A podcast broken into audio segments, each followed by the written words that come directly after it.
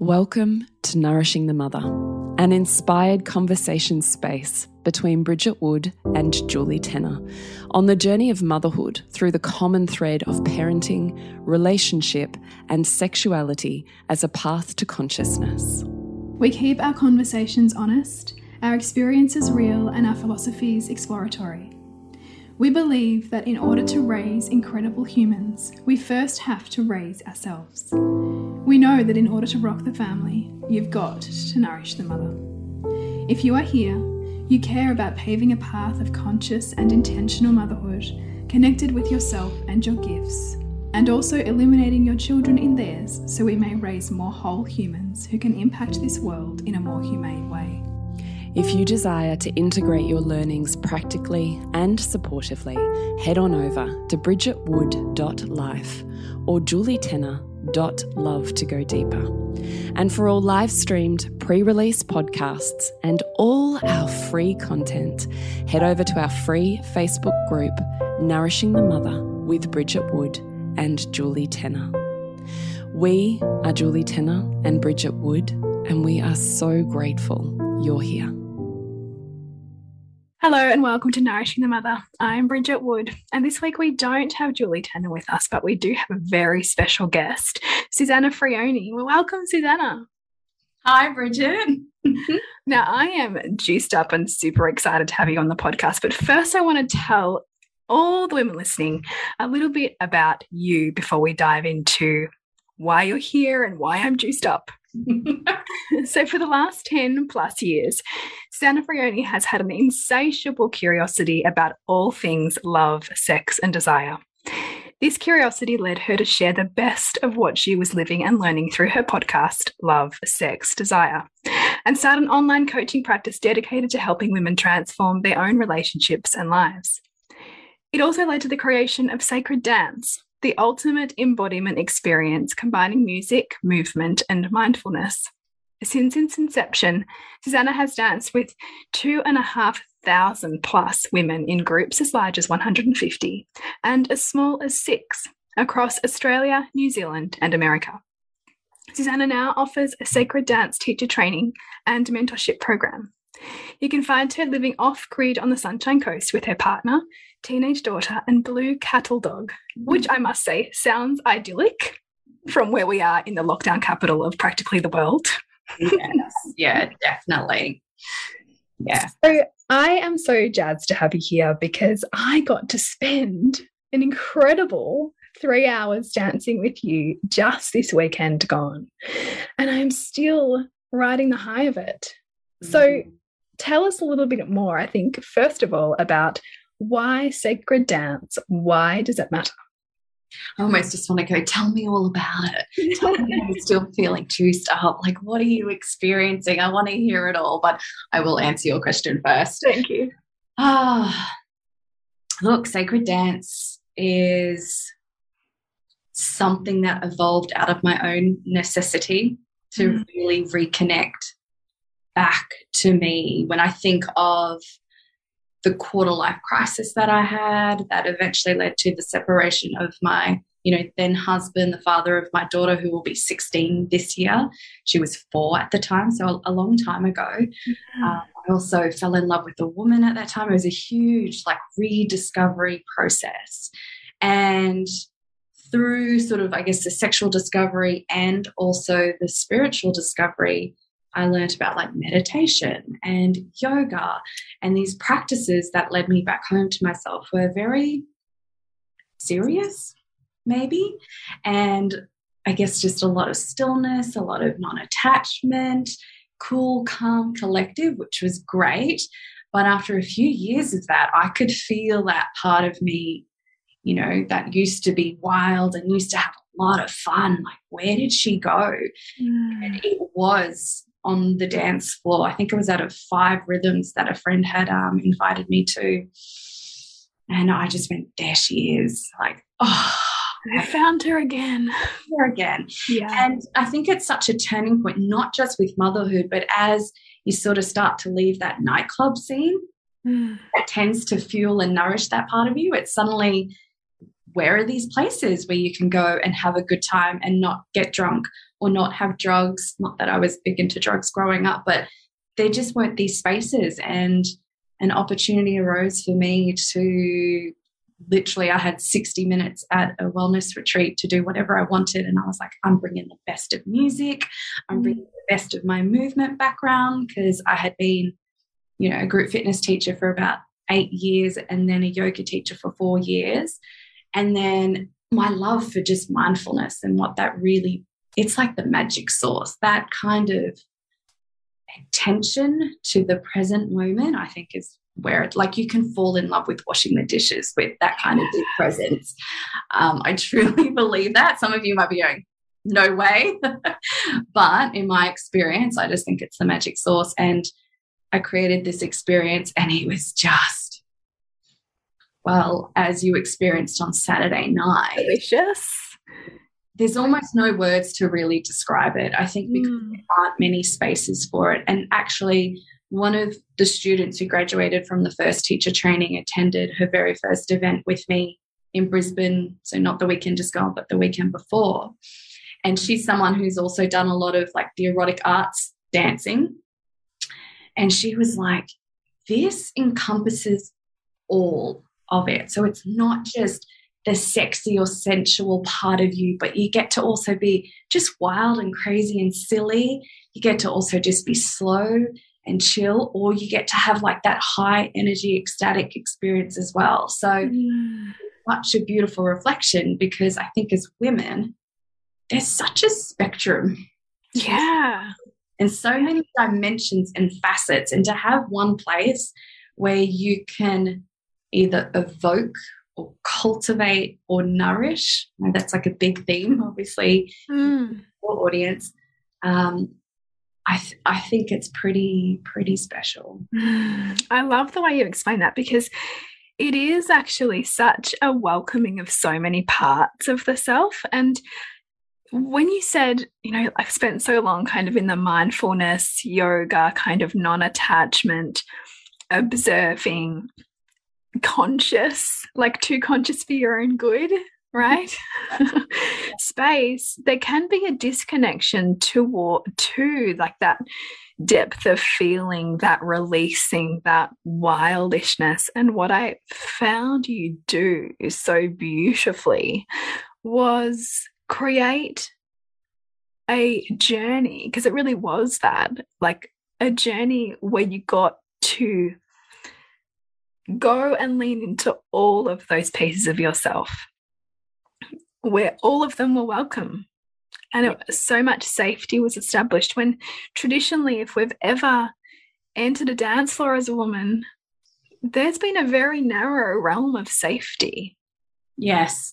And I always think back to my days on the dance floor where you know that natural expression that wants to move through me is naturally quite sensual and sexual mm. and it would always be misinterpreted as an invitation for like yes. attention and it'd be like i don't want to spend my time having to you know put rip people's hands off me like or like yeah. in my space but more just stay in the expression of it and literally like for me it's just making love to the music or music making love to me whichever way you want to you know view it mm. see it but to and it's another reason why you know at this point i'm not interested in having men in the space because they naturally just change the dynamics and there's mm. something about women being able to be in that space fully and freely and as you said like safely so anything you know and again you have to set the boundaries of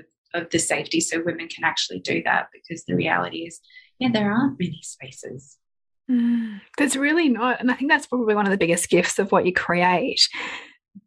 Because women don't actually often realize what they're missing until they have an experience like that or of that of that reclamation of that piece that had become long buried. Totally totally like you can't and even more so you know how do you know if you really enjoy something if you've never tasted it mm. yeah and how often too as women do we go oh, oh i don't need that mm. or like i won't take up that space or this is fine right? Like the status quo. Yeah. This is fine. Or even, you know, it's really uncomfortable. Mm. It can feel quite edgy. I think when you get too heady about it, the Mm. idea of I'm dancing freely, like I'm not given, you know, any steps to follow, which means I really have to, why do I have to listen to my body and just trust that it wants to move? And it's, I'm not a dancer. Isn't that like really awkward? Or, you know, I guess you can get really, that inner critic can really get activated if Yeah. not your usual terrain. I just say anytime we step outside our comfort zone, be it on a dance floor or some other aspect of life, your inner critic gets loud. And I always say, just it's almost like an applause because the louder the inner critic gets, the clearer the sign is for you that you are stepping into new territory for yourself. You are That's such a great reframe. yeah, like Because oh, often we don't want to go near that because it's like, well, no, like that doesn't feel safe because the voice is getting louder and like the self-flagellation's getting louder. But actually that's all, all kind of like where your comfort zone is beginning to end. That's right. I just go, it's a reinforcement. It's like a little pat on the back, like, yes, okay, new territory, which means I'm leaning into some new possibilities, which is where your expansion ultimately is. Mm. So you've said you've worked with thousands of women. Over the over that time and over building relationships with so many women, what have you found overwhelmingly that they tend to bring to a dance experience? So, in terms of like the mental realm, I always see like two very distinct groups. One is, you know, the fear of holding back because they're just going to be too awkward. Like, I'm dancing freely without any alcohol, or I'm just really uncoordinated. I don't have any sense of my body, and I'm going to look like a fool or an idiot. Mm-hmm. So, there's that. And then on the flip side is the, am I being too sexual? am I, you know, too much in my expression? Mm-hmm. They're the two dominant ones. And it's very rare that they coexist, like one person's experiencing both. They tend to be, I'm either on this side Yeah. Or on this side. And I wonder how they so beautifully invoke each other, you know, like in terms of like in a room dynamic, how they kind of push each other to grow past those places. Yeah, and I even reflect on Mel on the Melbourne experience, and there was a woman there who I think naturally is.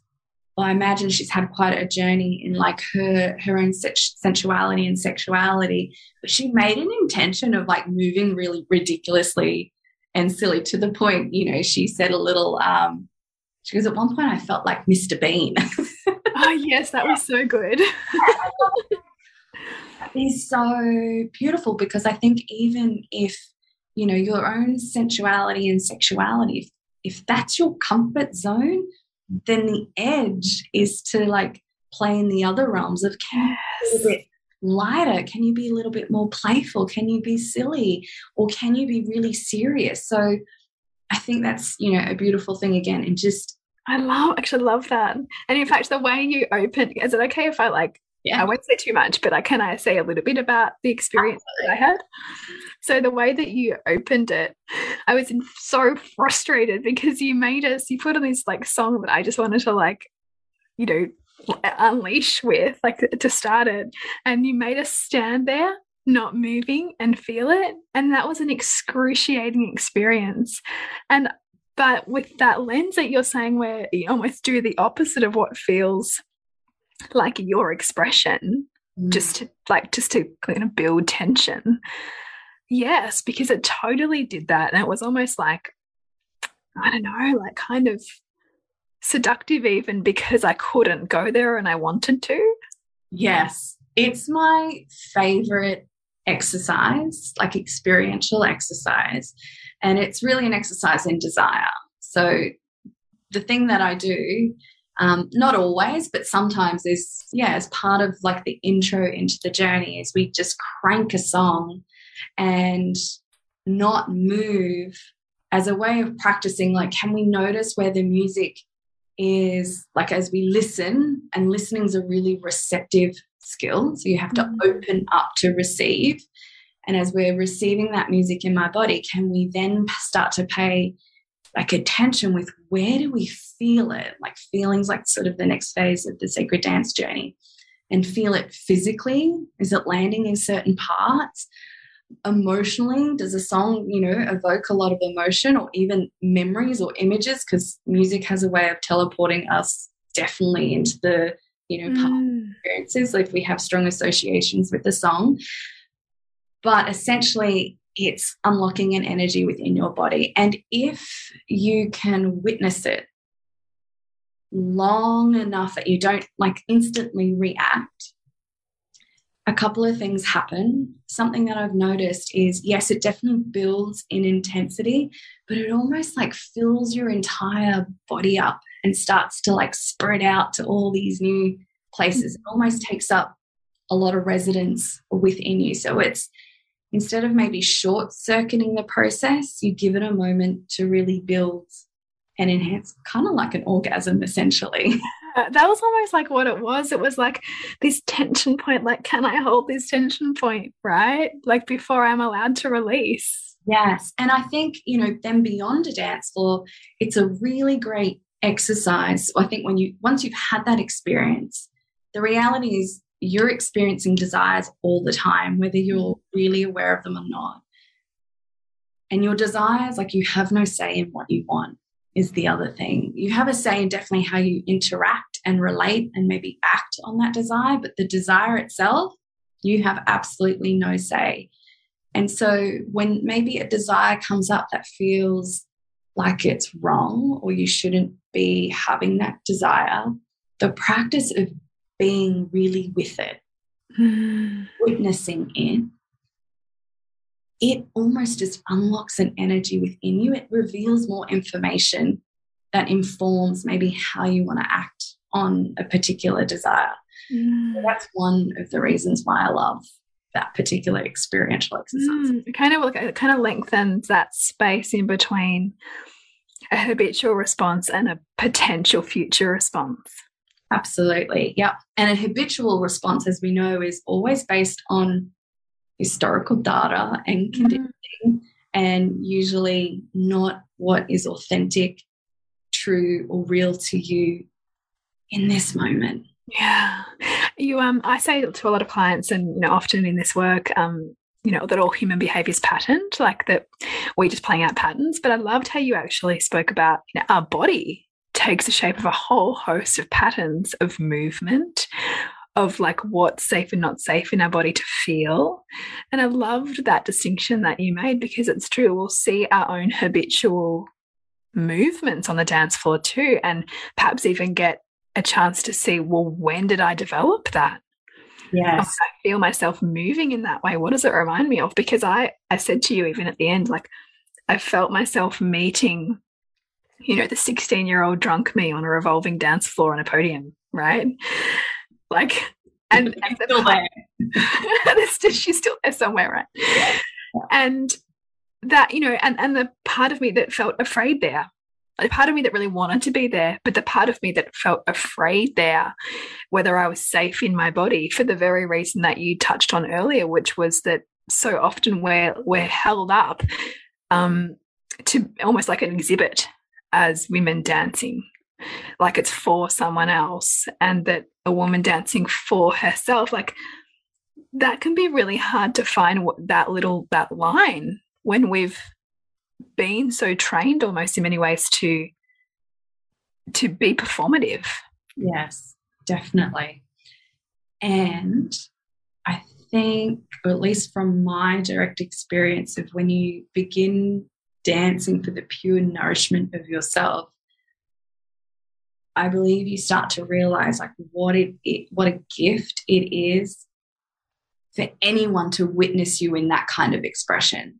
Mm. Like a real gift. And I know we spoke about this on the night, like a reframe of if, you know, you catch someone looking at you dancing instead of maybe instantly thinking you're being judged, just kind of view it through the world or through the lens that actually they're taking in my beauty and my radiance mm. right now because that is the reality of it. And I always, I'm like, you get to see me move this way. This is a damn gift. yeah.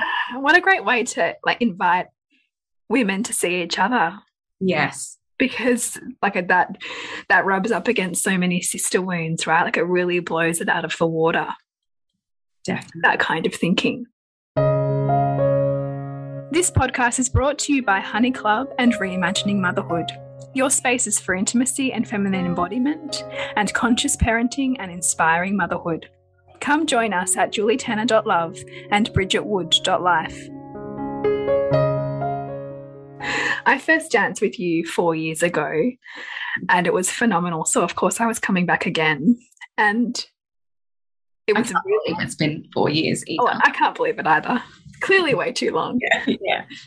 But what I really found was places in my body that having had my third child between the last time I danced and this time, what I got to bring to the dance floor and to myself as a result of the deeper embodiment experience of another birth. Mm. And that's why I think like the every time we go on a dance experience like this or how you know have any kind of um, experiential opportunity to deepen our connection to our body, we're always just invited to meet ourselves again, aren't we? Always. Always. Like that embodiment journey never, never ends. Mm. And I guess it never ends for a number of reasons. One, like, of course, there's only ever now. And in the moment, you're constantly receiving information and stimulus. Like the the present moment is filled with so much if we're open to it.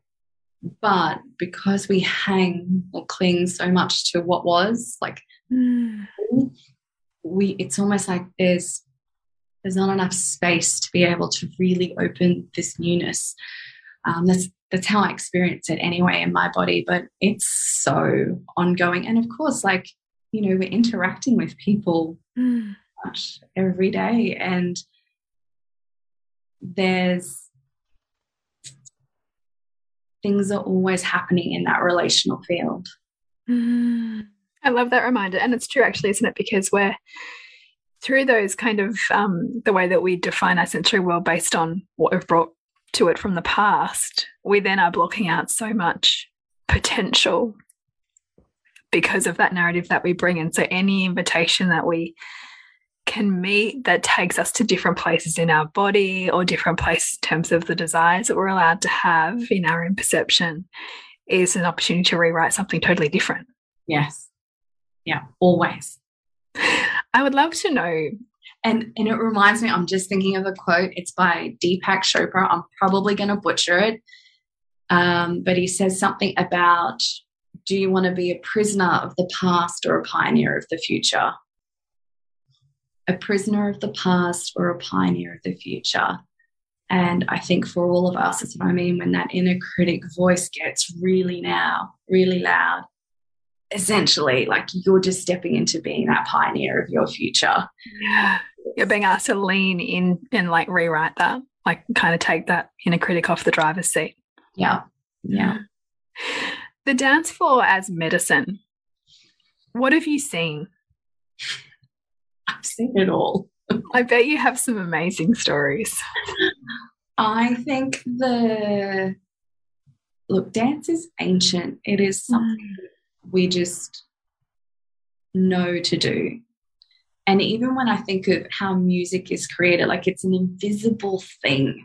It's, you know, when we speak about channeling, it's one way that I kind of see, like, I just think music, uh, musical artists are just genius to be able to take mm. nothing and give it like an invisible form that somehow penetrates people's body, body, heart, and soul. Like I, am in total awe of it because I think it's just miraculous. Like God is a DJ to me. I love it.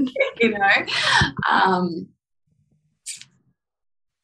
so, what have I witnessed? I would say the most miraculous thing that I witness each time, every time, even though there's maybe different flavors and expressions, is to really see how a body transforms from being maybe quite rigid or tense, even small, cautious, protective, you know, just a little guarded, to just this incredible opening, blossoming, um, expansive, freeing, liberating, you know, expression of self is is very visible to the eye.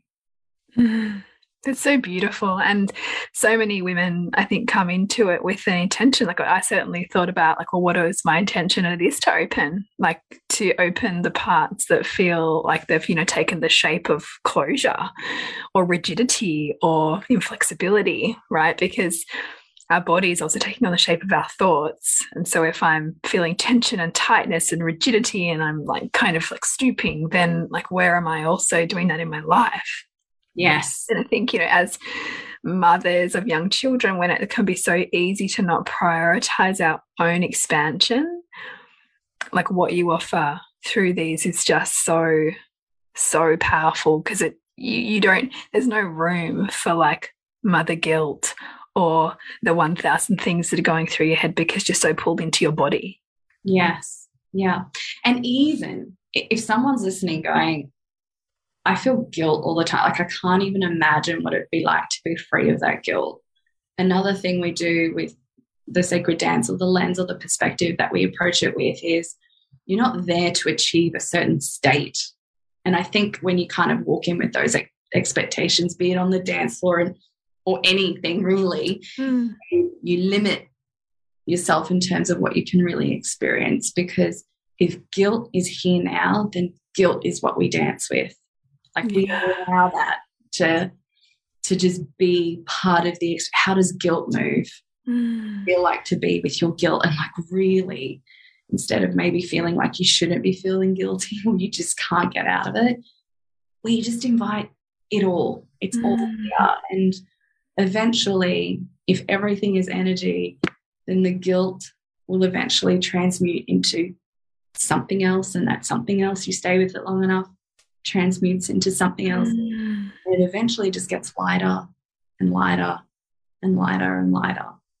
Mm. I love that. And even just that piece of safety with, you know, if what you're bringing here is guilt, or if what you're bringing here is like low self worth, or if what you're bringing here is deep judgment, then like don't try to leave that out at the door. Like dance with that here. Like let that be in your body and see how you want to move with that. Yeah. Which, well, which is just a beautiful welcoming of the parts of us. Yeah. And ultimately, you know, if the journey is about wholeness, then wholeness is also about acceptance. Mm. And acceptance is a really critical part of everything that you experience. I don't believe it's in, you know, we can look at transformation and change, and it's very typical. Like the approach is we get rid of something. Yeah. Therefore, get rid of a part of ourselves in order to reach or experience something better. No.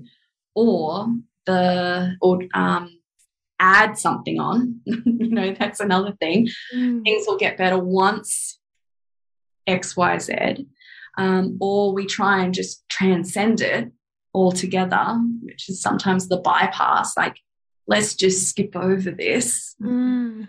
and be with it. But I think, no, can you actually be with these aspects of yourself that, you know, you don't really love or enjoy, or you have strong opinions, and just still meet yourself? Yeah. Not abandon yourself. Can you just still be here? When as you're saying that, it reminds me of um, one woman who was there who had, an intention to um, love herself more, and I think her initial intention was, you know, like love myself, like love, like love and light, and like you know, that'd be all juicy. But what actually came up was like all the places she judges, all the places she shrinks, like basically her shadow. And she had this awareness, had enough awareness to say at the end, like, I realized that's what I was being taught to love. Yeah. Not just, I'll love myself when. Yeah. Yeah. Which I thought was so beautiful. So beautiful. And then I think let's turn that in terms of, because we're not islands, like we're in relationship with other people. I think it's actually really dangerous when we set ourselves up to feel like we have to do all this work on ourselves before we can truly be loved. Yeah. You actually learn to love yourself by receiving love from mm. others. And so the loving maybe the parts that you're not proud of or really like, or that shadow aspect, and I'm still lovable. Mm. Even with all this, this can still be loved. Can still be loved. It doesn't have to be like, yeah, as you say, transcended or minimized for me to be somehow more acceptable. Yeah. Mm. Which for conscious parents, I mean, we, we're seeking all of the time to accept the muck and the density and the rage and the tears that our children bring us the journey is to do that for yourself too. Like it's not just I'll practice holding space for them. It's like, well, how can you also do that for you? Yeah. So you actually have another one more date for Sacred Dance coming up, don't you? Yes, just one more. Just yeah. one more. The last hurrah for a little while. Yeah, in Sydney this In week. Sydney. So if we have any listeners listeners in Sydney, you are in luck because you too can have an amazing sacred dance experience. How would you explain it in a couple of sentences? Like if you were to say, I mean, I didn't even have to read what it was about because I knew it was with you, so I was going to go. But if someone wants to know what they're getting themselves into, I know we've given people a good a good feel for it. Yeah. But what's your kind of like couple of words around it? Look, you're coming for a three hour unique embodiment experience. That is one part workshop, one part 90 minute dance journey where I will guide you through. I was going to say seven phases, but I think this journey actually has eight to be like really precise. But I'll guide you through literally like a transformational journey. Mm. I hope the person that you leave or the person that you leave as is very different to the person that you walk in as. Mm. And this particular journey is really about the journey back to our hearts. Yeah, so beautiful. That's definitely how I experienced it. And you're doing a bit more work more broadly beyond offering the sacred dance um, experiences for women to also train others to facilitate. Can you share a bit about that? Yeah, so this is new for me, stepping more into, you know, taking this body of work that's evolved since 2013 to finally going, okay, I've got enough people asking, I want to do this. Can you teach me? And I'm like, okay, here we go. It's mm. time. And it's time because, and this circles right back to the very beginning of what we shared. I don't believe there are enough spaces, physical spaces, for women to come together and be together in this way. Mm-hmm. And whilst I think, you know, COVID, these last two years, everything moved online, and online is great. We get to do these things. These last two events in Melbourne and Brisbane were just hands down big reminders that nothing, nothing can relate or replace that in person experience. It's just it's, it's so true, and I, and I think a couple a couple of us had said at the end, I didn't realize how much I was missing just the interaction of the touch of a stranger, yeah. or just being seen, or or like at one point, I don't want to kind of give away the mm. end of it, mm. but at one point, like someone kind of grabbed my arm and like with such warmth, I almost burst into tears. Yeah. And like and because at that point in the journey like my my sensory system was so heightened that i really felt every bit of the warmth of that touch. And like we've just missed so much of that. Yeah. We've totally been deprived of it and particularly if you and it's a different kind of touch because i think as mothers we can sometimes feel touched out. Yeah.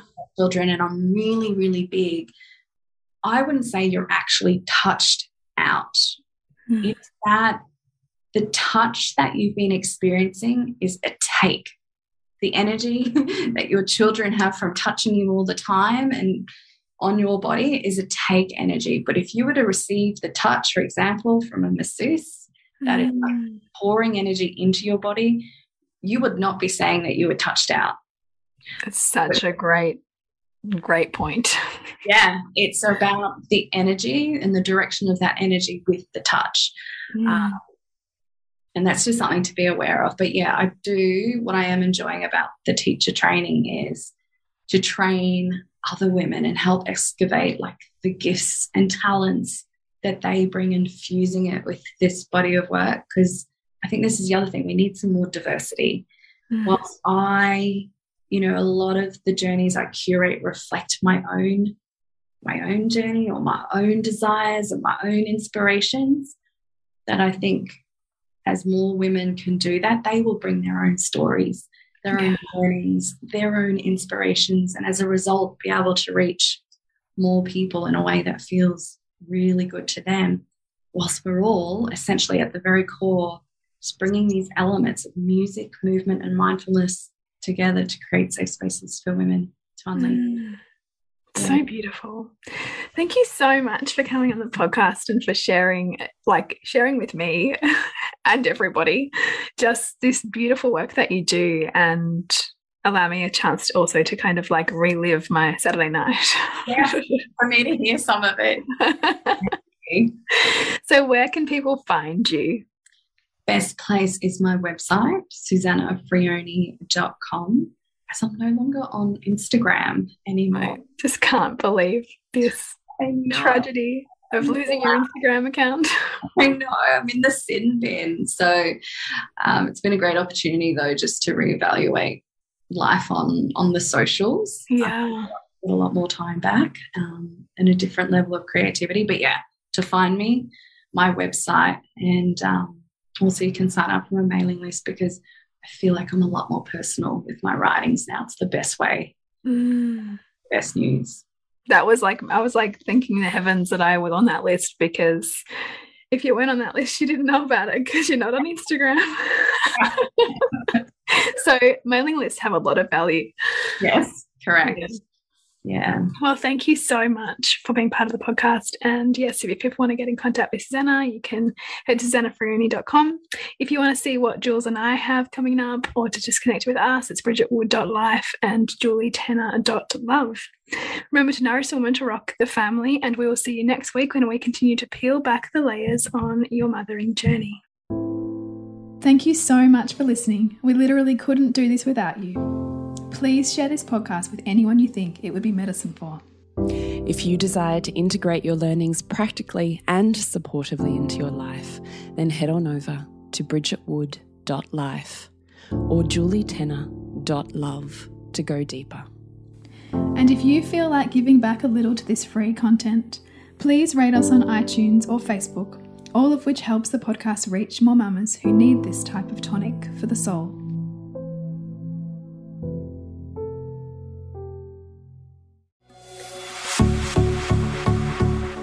This has been a production of TheWellnessCouch.com. Check us out on Facebook and join in the conversation on Facebook.com forward slash The Wellness Couch. Subscribe to each show on iTunes and check us out on Twitter. The Wellness Couch, streaming wellness into your lives.